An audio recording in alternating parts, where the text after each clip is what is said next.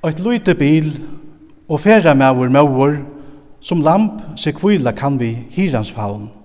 Brått gløymast ödner og kvør tungur raur, tog her er trygt og himna sælo haun.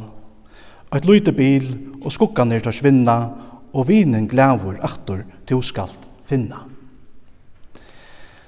Hette er vånen som vi øya og i hinnom opprystna og livande frelsaren, Jesus er. Etla som Jesus sjálfur sier vi sina lærersveinar, om luktla stund, og til suttja meg ikkje langur, og attur om luktla stund, ta skolotid, suttja meg. Etta lyfte gav Jesus sin lærersveinon, og etta sama lyfte er òsne galdande fyrir te og meg. Men lukka som lærersveinane kunne vi òsne standa spyrjande. Hva er det som han sier vi okkom? Hva bor i Jesun lyften hon tja Jesus? Svære til hentan spurningen har et langt å finne i dagsens tekste. Jesus sier, Jeg skal sutja tikkun attur, og ta skal hjärsta tikkara gleiast, og ønsken skal tekka glei tikkara fra tikkun. Jeg sa glede iver at uh, møtast attur, innskjer Jesus òsni at valsikna te og med vi. Og i hese løyven kjenner vi til glede. Vi gledes over løyve, og at god hever valsikk nokkon vi familie og vinom. Vi gledes over mært, iver det døylige vekkere som vi da finnes i det, flaggdeien nøysene, klæger, hus og høym. Vi tar oss og ser det nekva gledes iver. Men vi vet også at alt dette som vi gledes over her av folk, ta fer en enda. Og at allar hesar lufsinsgavur er nekka som vi tava til lands. Jobb, han understrykker òsne just detta sama, ta han sier, Nærkjen kom jeg ur maurløyve, og nærkjen færje hier attor. Men er hekta så alt? Er okkara deie eit endalikt punktum fyrir okkara gleie? Altså ikkje. Dagsens tekstur boer okkon her at møte at Jesus hevur eina glede at gjev okkon som onkantu kan vera tidsin fra okkon. Han, er, han hevur eina evige glede at geva tær og mer. Eina glede om at vera saman. Eina glede om at suttjast attor. Og er det ikke òsne just hekta som ta høyla snur seg om? Gleden iver at vera saman vi tøymon som vi elska. Og sorgen, i hva skulle sige farvel vi teg, ta degen, gjør seg galdande. Det er ikke bileren, det er ikke huset, det er ikke pengene, som vi til degen har så trobult å sige farvel vi. Nå er det okkara elska og okkara kære. Vi elska okkara kære, og vi vil ikke, vil ikke skiljast fra tøymon. Vi vilja alltid vera saman vi tøymon. Og til just hesa gleie som Jesus vil djeva okkom, hesa gleie i vera suttje okra kæro, og aktor, og at vera saman vi tøymon alltid, en avjan fellesskap. Og så lær vi Jesus da òsne sjálfur, vi vujjante tær og mer. Han vil vera saman vi okkom alltid, og her vi østene gleiast. Og han hever goldet den størsta prysen for at tryggja bægi okkon og sa sjálvun hessa gleie. Gleina hever a suttja, suttja kvann annan attor og at vera saman alltid. Og Jesus hever langko vunni okkon hessa evig og gleie og gjøknon hans er krossfesting, hans er opprøysn og himmelsferna. Hette er nekka som han longo hevur vunne der og mer. Esa gleina. Om luttla stund har vi torst. Esa årene vera sett høylar tjeiferer i dagsens prætiktekste. Det var enda tidsi tjeiferer.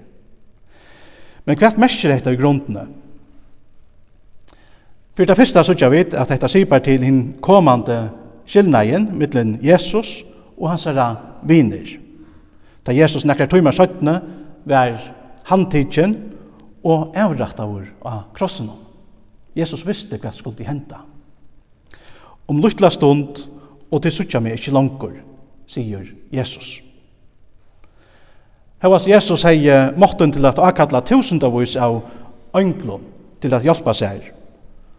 Så valgte han korsene sjolvor at gengat han tunga vegin nian av Golgata. Hvor gjør han det? Jo, det gjør han vekna sin ryka kjernløyka til tøyn og møyn. Han ville bjerge okkom fra sintene som høyte fellesskapen mittlen okkom og god. Og som her vi også være en høyttan i måte hese gledene i vera suttjast attor, gledene om at vera saman. Men just hese glede vil Jesus djeva okkom Og tog er det at han av krossen råpar hese årene og i okkara sted. Eli, Eli, lama, Sabaktani, Det er god mun, god mun, hvor jeg forstå fra meg her. Jesus kom for å frelse okkon attor til hina avjo, gleina, saman vi gode, som vi miste vekna okra sind. Men for å vinne okkon hesa gleie måtte Jesus sjolvor oppleva Guds rævljo fraveru så vidt etter røtten åtto at oppleva vekna okkara miskjer og sinter. Akross noen teker Jesus atlan etter atla okkara sint og atlan okkara døm av seg sjálva. Og da Jesus råpar akross noen at det er fullgjørst, så merker dette at han har gjørst alt det som skulle til for at bjerga tær og mer fra og noen bostor fra gode og til en avløyka sema med gode og hverjon øron heima og himle. Men hesa løgtene visste lærersvennene ikke ordentlig hva Jesus mente vi, da han sier vi tar om luttla stund, og til suttja meg ikke langkur, og atter om luttla stund, ta skuld dit suttja meg.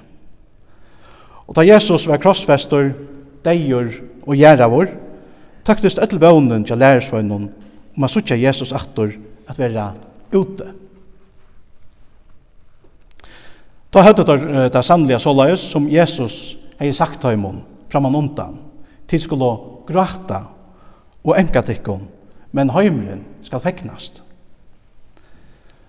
Tar beier lærersvennerne som var og aved til Emmaus, påska det, lys òsne vel sorgina og vannløse som Jesu krossfesting og deie bær visser. Avveies til Emmaus snakka og hesser lærersvennerne om det, så var hent vi Jesus i Jerusalem. Medan der snakka av, kom Jesus sjálfur til tøyra og fylltist vi tøymon av løgene. Men der kjente han ikke etter på en av veien. Og ta Jesus spurte tøyr hva der snakka om, stekka av tøyr deprir i asjøen og fortalte honom om alt det som var hent. Men vi vevna av at han vært han og skulle løysa ut Israel, søttetøyr tar vevna av. For tar var gleden og vevnen nå bliven til tatøy. Nå taktist alt av vera ivesteg. Men det som heser bæger sorgafotel mennene ikkje var og grøyer iver, og det som kom at brøyta alt fyrir tøyr, var at det var sjolvor hinn opprysne og livande frelsaren som nu gikk vi tøyra li. Og da hekta gikk opp fyrir tøymon, brøytist alt. Gleien og vånen, som Jesus sier i lovatøymon, var nu til verløyka. Ja, Jesus sier sagt at han skulle være sorgarbundner. Men hetta var til betur ikke det øyneste som han sier vi lærersvinnerne. Nei, her at mot uh, sier han øysene, sorg tykkere skal, skal være vendt til glede. Og just hetta det til en livande veriløyga, tatt av sjå Jesus atter opprystnan fra deion. Søytene i evangelien etter Johannes, lesa, lesa vi til dømes, men ta i komme vær at kvöld hentan sama fyrsta dag i vikene, og mian dittnar her som lærersvennene våre, våre lastar, av økta fyrir jødnon, kom Jesus og stå mitt i middelen og sier vi tøyr, frigjør vere vitikon. Og ta han hei sagt hekta, sundi han tøymon hendunar og sujina. Og så stenta, nu våro lærersvennerne glæger, ta ta og herran. Nu våro der glæger. Jesu opprøst brøtti alt fyrir lærersvennerne og fyrir allan høymen. Etter merker jo at egen alls ikkje er eit sørsta punktum, eit endalit punktum fyrir okkara glæge. Etter understrykker Paulus òsne, da han sier Men nu er Kristus risen opp fra deion som frumgrauren av tøymon som såna er robustor. Det vil sija at vi skulle rysa opp fra deion, lykka som Jesus òsne rysa opp fra deion. Og lykka som hinn oppristne Jesus sa søgnar viner attor og tøysa og han, så la skulle vi vid trunni av Jesus sutja okkara kæro attor høyma og himle. Det røysni om hesa himmelsko glede og vevn så vidt av sunnkje. Et lute bil, og skukkaner tar svinna, og vinen glævur attor du skal finna. I dagsens tekst har vi øsni hørt at Jesus sier er færre til feiren. Hetta sier bare til Jesu, uh, eller Kristi himmelsfæra det. Fjørte det er etter opprørsna. Og i apostelsøvnene leser vi om hvordan apostlene stod her av oljefjallen og startet opp til himmels. Brottlige medan tar stod her, kom og tvær ønklar tiltøyra og søtt og tid Galileomenn, hvor standa tid og hitje opp til himmels. Hesen Jesus, som er opptidgen fra tikkun til himmels, skal komme aftur av samme hot som til søvan færa til himmels. Han skal komme attur, søttur. Her er då Jesu år og sin galdande, bægi fyrir lærersveinarnar og fyrir okkon som er sauna i her og i det. Om luttla stund, og tid suttja meg ikkje langkur, og aftur om luttla stund, ta skulu tid suttja meg. Men inntil hina stauro og gledelige og samøyningsna her heima i himle, er vi ikkje ansamøll, vi er ikkje feirleis. Jeg vil ikke lette at dere være etter feierleiser. Jeg kommer til tikkara, sier Jesus. Og dette løftet vær til veriløyka av kvitesommer. Nå er Jesus vi og konvente vi høylavån anta. Vi er ikke ansamhølt. Og tog kommer vi til østene gledast her og nå iver samfellet bæger vi Jesus og vi for en annan. Samstundes vidt av vidt at sorgen øsne gjør seg galtande, mye vi er jo her av folk. Etla som Jesus øsne sier, øsne tid hava ta no sorg, men jeg skal sutja tikkun aktor, og ta skal hjärsta tikkara gleast, og ønsken skal tekka glei tikkara fra tikkun. Hentan gleden, gleden i å sutja Jesus, og at sutja okra kæro aktor, verer til ein livande og envian veriløyka heima og himle. Og tog er det òsne at vi kunne synsja så lai som vi da synsja i det. Og et løyte bil og færa maur maur som lampse kvila kan vi hirans faun. Brått gløymast ötner og hver tungur rauur du her er trygt og himna sælo haun. Og et bil og skukkan er tar svinna og vinen glævur aktor du skalt finna. Så vi tar sera nekva at gledes i vår. Amen.